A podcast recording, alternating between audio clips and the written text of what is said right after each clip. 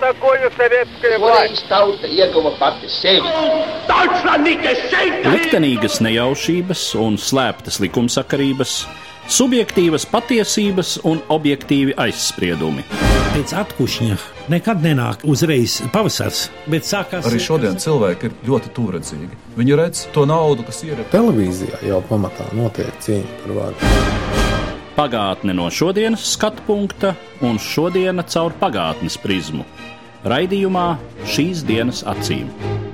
Katru svētdienu Latvijas radio eterā Eduards Liniņš. Labdien, cienījamie klausītāji! Šodien izskan turpinājums manai sarunai ar vēsturnieku Edgars Engīzeru, kas veltīta pilsoņu karam Spānijā no 1936. līdz 1939. gadam. Sarunas pirmā daļa izskanēja pagājušo svētdienu, 17. jūlijā. Ja mēs runājam par starptautisko intervenciju pretējā pusē mēs veltījām gana daudz uzmanības Padomju Savienības lomai, bet nacistiskās Vācijas un fašistiskās Itālijas iesaiste nacionālistu, frankistu pusē no paša apvērsuma brīža. Kas izveido šos sakarus? Acīm redzot, tātad šīm Spānijas militāristiskajām aprindām ir bijuši jau labi iedibināti kontakti ar nacistu režīmu. Tas ir diktatūra kopība, Varbūt tā to varētu nosaukt. Ļoti spilgts ir piemērs Salazāra režīma atbalstam, Spāņu virsnieku apvērsumam, arī no paša sākuma. Jā, tātad Portugāles autoritārais režīms. Jā, Portugāles diktators, kurš atbalstīja apzinoties, ka blakus esoša diktatūra ir Portugāles drošības interesēs jo šīs republikāniskās revolucionārās idejas attālinās no Ibērijas pusaules. Tieši šis pats iemesls arī nostrādāja, ja mēs runājam par Musolīnu Itāliju. Jo Itālija varbūt ir skaitliski un finansiāli visvairāk ieguldījusi Spānijas pilsoņu karā nacionālistu pusē, apzinoties, kā sabiedrotā Spānija, Franko Spānija, diktatūra Spānijā palīdzēs Itālijas ekspansionistiskajiem mērķiem vidusjūras reģionā. Jo Itālija bija tikko noslēgusi otro Etiopijas kampaņu, un vidusjūru uzskatīja par savu interesu sfēru.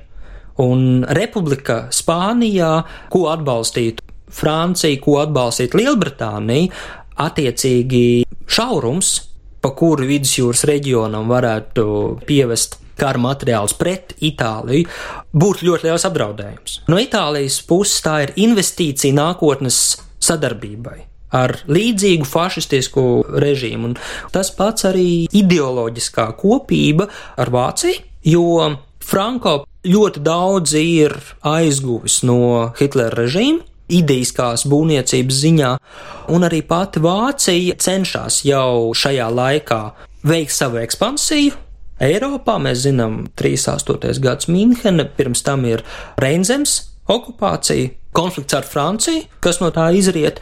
Līdz ar to Vācija nostājās kā pretpols Lielbritānijai un Francijai Eiropā, kas ir salīdzinoši vājas un vāji motivētas, un Spānijas spēki nacionālisti, kas arī ir pret šo franču un angļu liberālo demokrātisko ideju, viņi atrod ļoti ātri kontaktu arī ar Vāciju. Un turklāt mums var būt neliels priekšstats, ka militārā saprindas dzīvo savu dzīvi un starptautiskā politika dzīvo savu dzīvi, bet uh, militārās aprindās arī ir ārkārtīgi cieši starptautiskie kontakti gan mācības, gan arī tajā laikā daudz virsnieku mācās citu valstu kara skolās.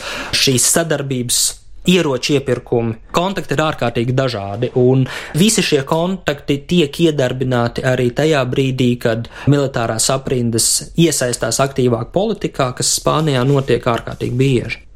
Ja mēs runājam par Eiropas demokrātisko valstu pozicionēšanos šai konfliktā, vēlreiz atgādinot, Kaut vai to, kas starp citu parādās arī dažos memoāru fragmentos un vēstuļu fragmentos, kas ir saglabājušies no šiem Latvijas armijas militārajiem novērotājiem šai Tautu Savienības misijā. Tātad mēs skatāmies caur pirkstiem uz vācu un itāļu ieroču piegādēm frankistiem. Vācija un Itālija piedalās Spānijas jūras blokādē. tajā pašā laikā piegādājot šos ieročus. Savukārt mēs krietni stingrāk kontrolējam iespējamo Padomju Savienības ieroču piegādi republikai un kavējam šo starptautisko brigāžu brīvprātīgo ierašanos Spānijā un tā tālāk. Tātad šī pieeja, kas ir simptoms, kas ir izpausme tādai globālai kolīzijai, kurā tobrīd nonāk Eiropas un pasaules demokrātiskie režīmi, Viņiem tobrīd jau ir jāizvēlas no diviem ļaunumiem. Iespējams, ka tobrīd to vēl pasaulē visi neapzinās, ka būs neizbēgama šī izvēle, ar ko mēs būsim šajā grandiozajā, jau briestošajā pasaules konfliktā ar fašistiem vai ar bolševikiem, tā ļoti rupi runājot. Es teiktu, ka ir jānovelk ļoti striktas atšķirības starp demokrātiskajām sabiedrībām Austrumē Eiropā un Rietumē Eiropā. Arī no Latvijas visi cilvēki, kas piedalās karā, karo republikāņu pusē. Tajā pašā laikā Latvijas valdības nosūtītie virsnieki skatās uz pirkstiem vairāk tieši republikāņus atbalstošajām piegādēm, un caur pirkstiem savukārt uz nacionālas. Līdz ar to šeit ir ļoti liela tāda pretruna. Sabiedrības viedoklis un valdības politika. Un valdības politikā Latvijas pusē ir acīm redzama, ka Padomju Savienība un Padomju Savienības lomas palielināšanās globālajā politikā ir pret Latvijas interesēm, tāpēc, ka Padomju Savienība ir tepat blakus. Vai Spānijā ir republika, vai Spānijā ir nacionalistiska vai fašistiska diktatūra, Latvijas valdība tajā laikā tik ļoti neuztrauc, neskatoties pat uz to, ka arī Latvija ir diktatūra. Un to mums nevajadzētu aizmirst, ka Ulmaņa režīms atbalsta Franko. Tīri ideoloģiski, kā viena autoritāra diktatūra atbalsta otru autoritāru diktatūru. Nu, tagad arī Spānijai būs krietns saimnieks. Jā, tieši tā.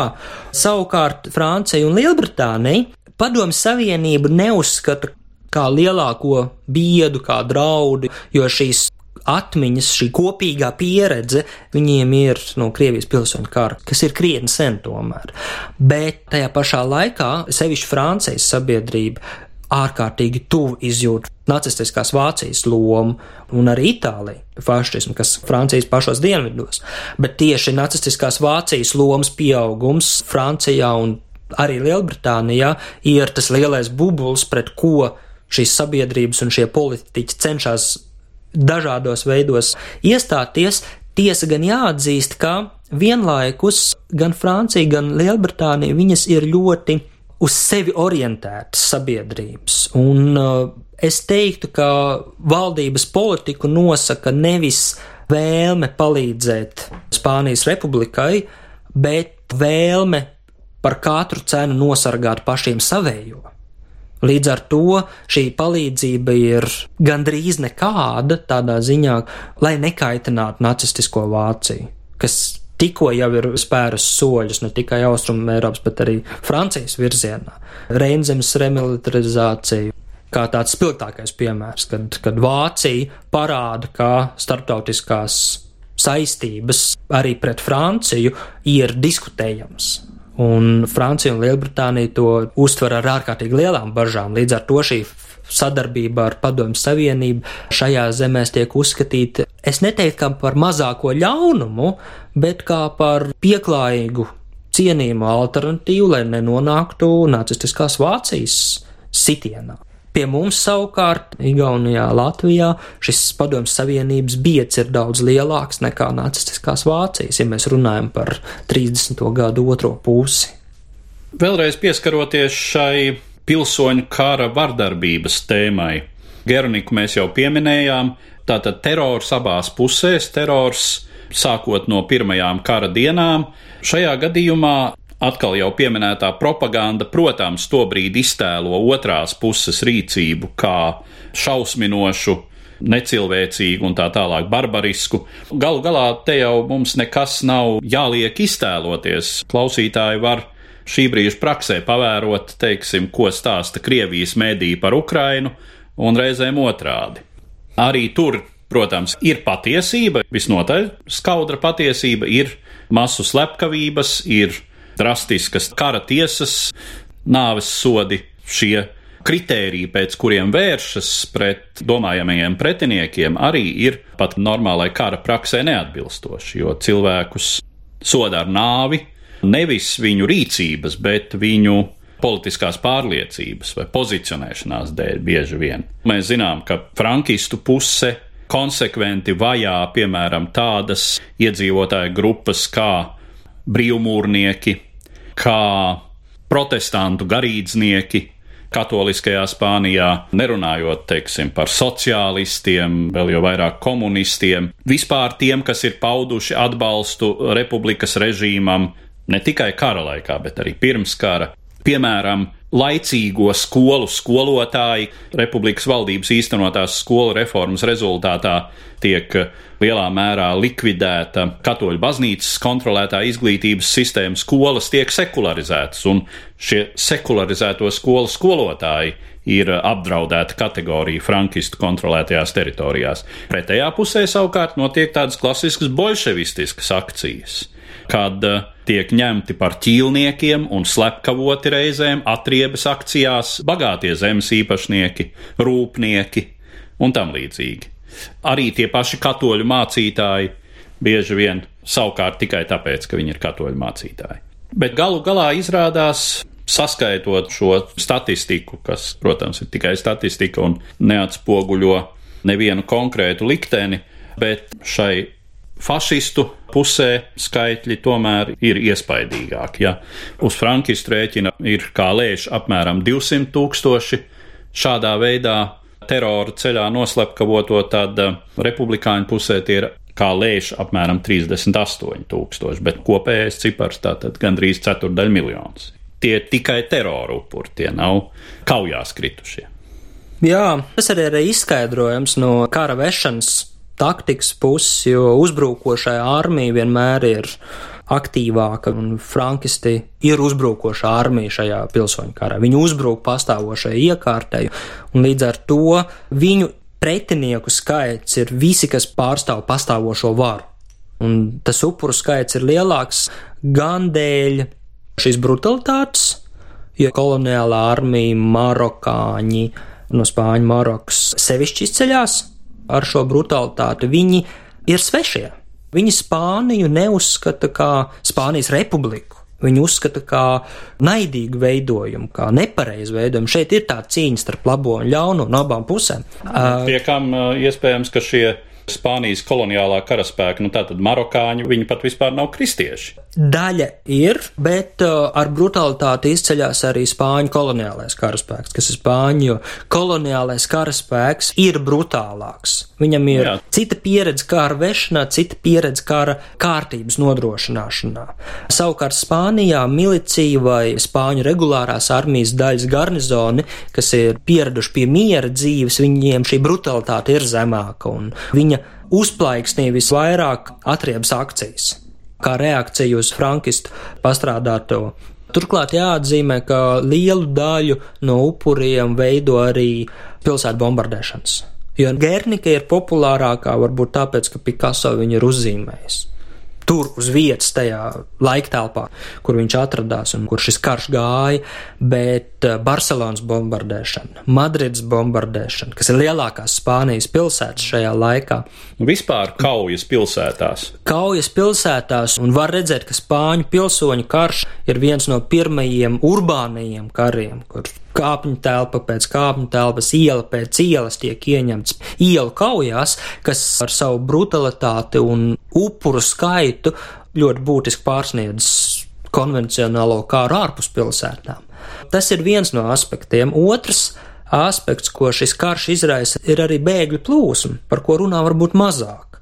Un aptuveni pusmiljons spāņu dodas emigrācijā, lielākoties uz Franciju šajā laikā. Bet arī šī parādība, kas atstāja ļoti būtisku iespaidu uz pēckara Spāniju. Jo ir viens jautājums, ko Franko izvirza, tad, kad viņam piedāvā vairākas reizes miera sarunas, ka viņi iet uz pilnīgu uzvaru. Uz bezieru un kapitulāciju. Un republikas valdība, kas dodas emigrācijā, kaut kādā brīdī atgriežas sarunām, viņi cenšas saglabāt Spānijas republiku kā kaut vai de jure veidojumu, bet Franko uz to neparakstās. Jautājums ir, kāda tad ir šī Spānija, kas tiek veidota pēc tam, jo lielākā daļa no inteliģences skolotāji, mācītāji no abām pusēm, rakstnieki un inteliģents arī tiek iznīcināti šajā karā. Un Spānijas atkopšanās, kā jau pirms tam diezgan perifēras un agrāras valsts, tad atkopšanās pēc pilsoņu kara ir ārkārtīgi smaga. Un varbūt, pat visa pēckara Spānijas zināmā mērā atpalicība ir noteikta ar šo kāru, ar šo savstarpējo brutalitāti. Tiesa gan jāatzīmē, ka vienlaikus var redzēt, ka spāņu nācija arī izveidojās. Ciešākās saites šī kara laikā, jo visi neapmierinātie dodas prom vai tiek nošauti. Mēs jau esam nonākuši pie jautājuma, ko nozīmēja Spānijai Franko režīms pēc pilsoņu kara, Tātad 39. gada 1. aprīlī ģenerālis Franko, kurš, kā jūs jau atzīmējāt, no veselas grupas šī apvērsuma organizētājiem kara rezultātā, kāds iet bojā avio katastrofā no līderiem, cits kā spāņu fašistu līderis krīt republikāņu rokās un tiek sodīts ar nāvi, falangistu līderis, un tātad Franko izvirzās kā vadītājs, kā kaudiljo, kas ir, varētu teikt, vadonis spāņu valodā. Tātad Viņš ar savu dekrētu 1939. gada 1. aprīlī pasludina, ka pilsoņu karš ir noslēdzies, tātad ar šī režīma uzvaru. Ko nozīmē Spānijai nākamie 36 gadi? Franko uzvaras brīdī vēl ir samērā jauns un spēkpilns ģenerālis. Viņš mirst 1975. gadā, un tikai pēc viņa nāves Spānija sāk restaurēt demokrātiju, un iekļauties normālos Eiropas demokrātisko valstu procesos. Kāds ir šis Franko režīms un kāda ir Spānija visus šos pēckara gadus? No vienas puses, jūs jau pareizi atzīmējat, ka normālos Eiropas procesos Spānija iekļaujās tikai pēc viņa nāves. Līdz ar to mēs nonākam arī pie apziņas, ka Spānija, kā konservatīva agrāra valsts, viņa buksē. Tādēļ, ka šis e, intelektuālais virzītājs spēks kara laikā tiek iznīcināts. Ievērojumu lomu iegūst katoļu baznīca, kas arī, kā mēs zinām, ir konservatīvs spēks uz tādām dinamiskām, revolucionārām pārmaiņām sabiedrībā. Es runāju kaut vai par zinātni vai industriju, viņi nav tendēti uz to. Vienlaikus ir jāatzīmē, ka, lai arī Franko režīms ir pietiekami stingrs režīms, ideoloģiski un, un pēc iekšējās kārtības, tad viņam nav palicis daudz iekšēju ienaidnieku. Jo pilsoņu kara laikā viņi ir vai nu iznīcināti, vai nu devušies prom. Līdz ar to viņš ir diezgan monolīts. Un, kas varbūt ir ļoti būtiski, viņš ir atstatus stāvošs no citiem Eiropas autoritārajiem režīmiem, un neskatoties uz to, ka ir šī ideoloģiskā tuvība gan ar Itālijas fašistiem, gan ar Vācijas nacistiem, Franko otrajā pasaules karā nepiedalās. Spānija kā valsts ir neitrāla, kas, protams, ir par labu gan Vācijai, gan Itālijai šajā ziņā, bet, ja Spānija piedalītos kara darbībā, varbūt vismaz tās sākums būtu arī savādāks. Protams, to noteica tas, ka Spānija uz otrā pasaules kara sākumu ir faktiski iznīcināta kā valsts gan cilvēku resursu ziņā, gan infrastruktūras ziņā. Pat gribēdams, Franko otrā pasaules kara sākumā nespētu piedalīties, jo, kā mēs zinām, pilsoņu kara veiksme noteica Vācijas un Itālijas palīdzību. Tad ar ko Franko varētu viņiem palīdzēt dažus mēnešus pēc kara noslēguma? Šī atkopšanās ir ārkārtīgi lēna, ārkārtīgi smagnēja un Spānijā nostiprinās šī konservatīvā lauku sabiedrība kā pamata varas etalons, kā sabiedrības etalons. Arī Ulmans vairāk atbalstīja agrāro sabiedrību, un Latvija veidoja kā agrāru valsts Spānijā. Tādā ziņā lielas atšķirības nav. Protams, Spānija ir lielāka valsts, un šim režīmam ir vairāk pretinieku nekā, piemēram, Latvijā, Igaunijā vai Lietuvā, bet Franko režīms varbūt ir vairāk salīdzināms ar Salazāra režīmu Portugālē nekā ar Itālijas vai Vācijas fašistiem, kur ir šī totālā sabiedrības ideoloģiskā kontrola, jo Franko ir eh, spiests varu dalīt arī ar baznīcu, kas ir ļoti būtisks ierobežojošais faktors, neatkarīgi no tā, cik ciešā sazobē viņi viens ar otru iet, un Spānijas sabiedrība ir tomēr savādāka nekā Vācijas sabiedrība, jo šeit šis urbanizācijas līmenis nostrādā, kultūra atšķirības. Visā Franko režīma pastāvēšanas laikā vēl aizvien pastāv šis Katalonijas jautājums, Basku zemes jautājums. Eiropā starptautiskais terorisms, kur rodās Basku zeme, ir viens no šiem pretošanās centriem, ja mēs terorismu klasificējam kā pretestību pastāvošajai varai un sabiedrībai. Jā, tad, tad teroristiskās darbības tehnika tiek izkopta taiskaitā Basku teroristiskās organizācijas. Un ja mēs redzam, ka terorismu lielie viļņi jau ir 70. gadu mainstream fenomens Eiropā, tā skaitā arī Spānijā, tad šie aizmetņi jau veidojās pirms tam. Un nevarētu teikt, ka visa Spānijas sabiedrība būtu sajūsmā ar Franko režīmu. Un var redzēt, ka pēc viņa nāves, tad, kad notiek šī demokratizācija, tad ļoti daudz cilvēku arī uzelpo, varbūt līdzīgi kā Latvijā uzelpoja atmodas laikā. Es nezinu, cik korekta ir šī paralēla, bet padomju režīms Latvijā 80. gadu otrajā pusē jau arī nebija tāds kā Staļina laikā. Nu, tieši tā, Brežņeva režīms ir tāda samtaina diktatūra. Jā, un nav partizānu kara visā diktatūras pastāvēšanas laikā, bet cilvēki tajā brīdī, kad viņi sabrūk, tad, kad nākamais premjerministrs iet šo demokratizācijas ceļu, pakāpenisko lēno, nevar teikt, ka Spānija demokratizēja vienas dienas laikā, tas būtu stipri samalots, bet šī sabiedrība to uztver pozitīvi. España, alza los brazos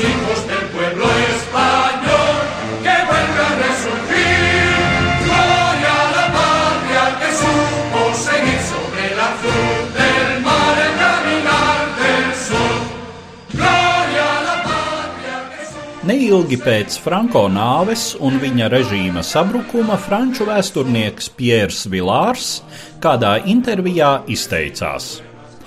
Kāpēc gan Franko, kurš likās tik pamatīgi turējās uz sava piedestāla, tika tik ātri un viegli nodots aizmirstībai un pat krita par upuri savu neseno piekritēju nievām, nemaz jau nerunājot par atklātu naidu lielā daļā no publikācijām, kas pēdējā laikā parādījušās Spānijā. Iespējams, Franko kā valsts vīra personība ir tikusi pārvērtēta, sevišķi ārzemēs. Es neticu, ka tautas masās Franko jebkad baudīja patiesu cieņu. Pat ļaudis, kuri bija tā saukto frankisma vērtību sekotāji, nesevišķi godāja pašu Franko. Viņš vienkārši kļuva spāņiem ierasts, pārvēršoties par tēmu jokiem, it sevišķi bieži tajos tika apspēlēta viņa ilggadība un mūžīgums. Starp citu, Marks, runājot par Luiju Bonapartu, trāpīgi saka, ka nobiedēta buržuāzija nepievērš uzmanību savu varoņu viduvējumam. Kas attiecas uz frankisma terminoloģiju, vajadzētu rūpīgi, stingri chronoloģiskā kārtībā atjaunot atmiņā visu to antisemītisko, antimasonisko, antidemokrātisko, antikomunistisko izteikumu sarakstu, kas atrodams Franko runās. Daži no tiem atkārtojās katrā runā, citi kādās niansēs mainījās, bet ir pilnīgi pamatoti uzsvērt Franko ideju iekšējās satura nemainību. Tas ir antiliberālisms, autoritārisms, paternālisms un vulgāri patriotiskie vai reliģiskie saukļi, un tas viss pilnīgi bez jebkādas filozofiskās, teorētiskās bāzes. Frankisms allaž izcēlies ar gara nabadzību.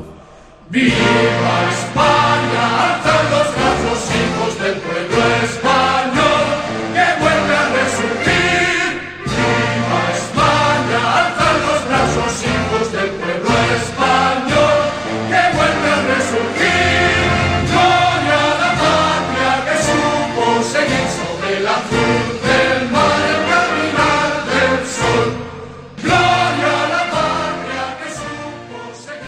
apspiestības līmenis, propaganda, cenzūra, viss darbojas kā klasiskā diktatūrā, kas varbūt nav tik asiņaina kā Hitlera diktatūra, kas nav vērsta uz pilnīgu sociālo grupu iznīdēšanu. Kaut gan šīs sociālās grupas, kas visaktīvāk iestājās pret režīmu, viņas tur vienkārši arī vairs nebija.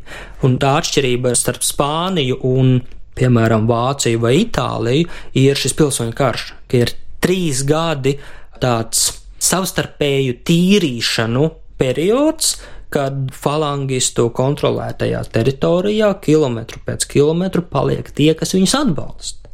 Un tie, kas padodas pēdējie, Katalonija, Madrida, Barcelona, viņiem ir ļoti liels rūkums gan par bombardēšanām, gan par tīrīšanām, gan par nacionālo politiku, ko Franko režīms uzspiež ļoti centralizētu, ļoti konservatīvu un apzināti attālinās no Eiropas procesiem, izolējās, kas, protams, ekonomiski Spānijai par labu nenāk. Vēl īsi pieminot Spānijas pilsoņu karā iesaistītos latviešus.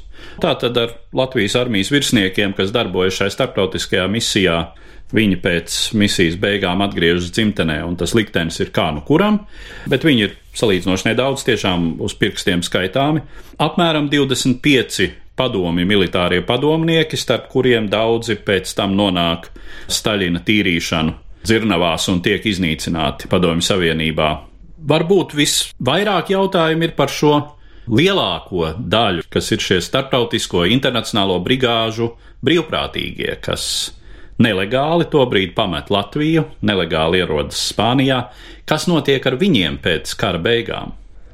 Kā ar kuru šie dzīves stāsti, pirmkārt, viena liela daļa nav apzināti, otrs daļa nonāk citur Eiropā, jo ir jāsaprot, ka īsti tās Latvijas jau vairs nav, kur viņiem atgriezties.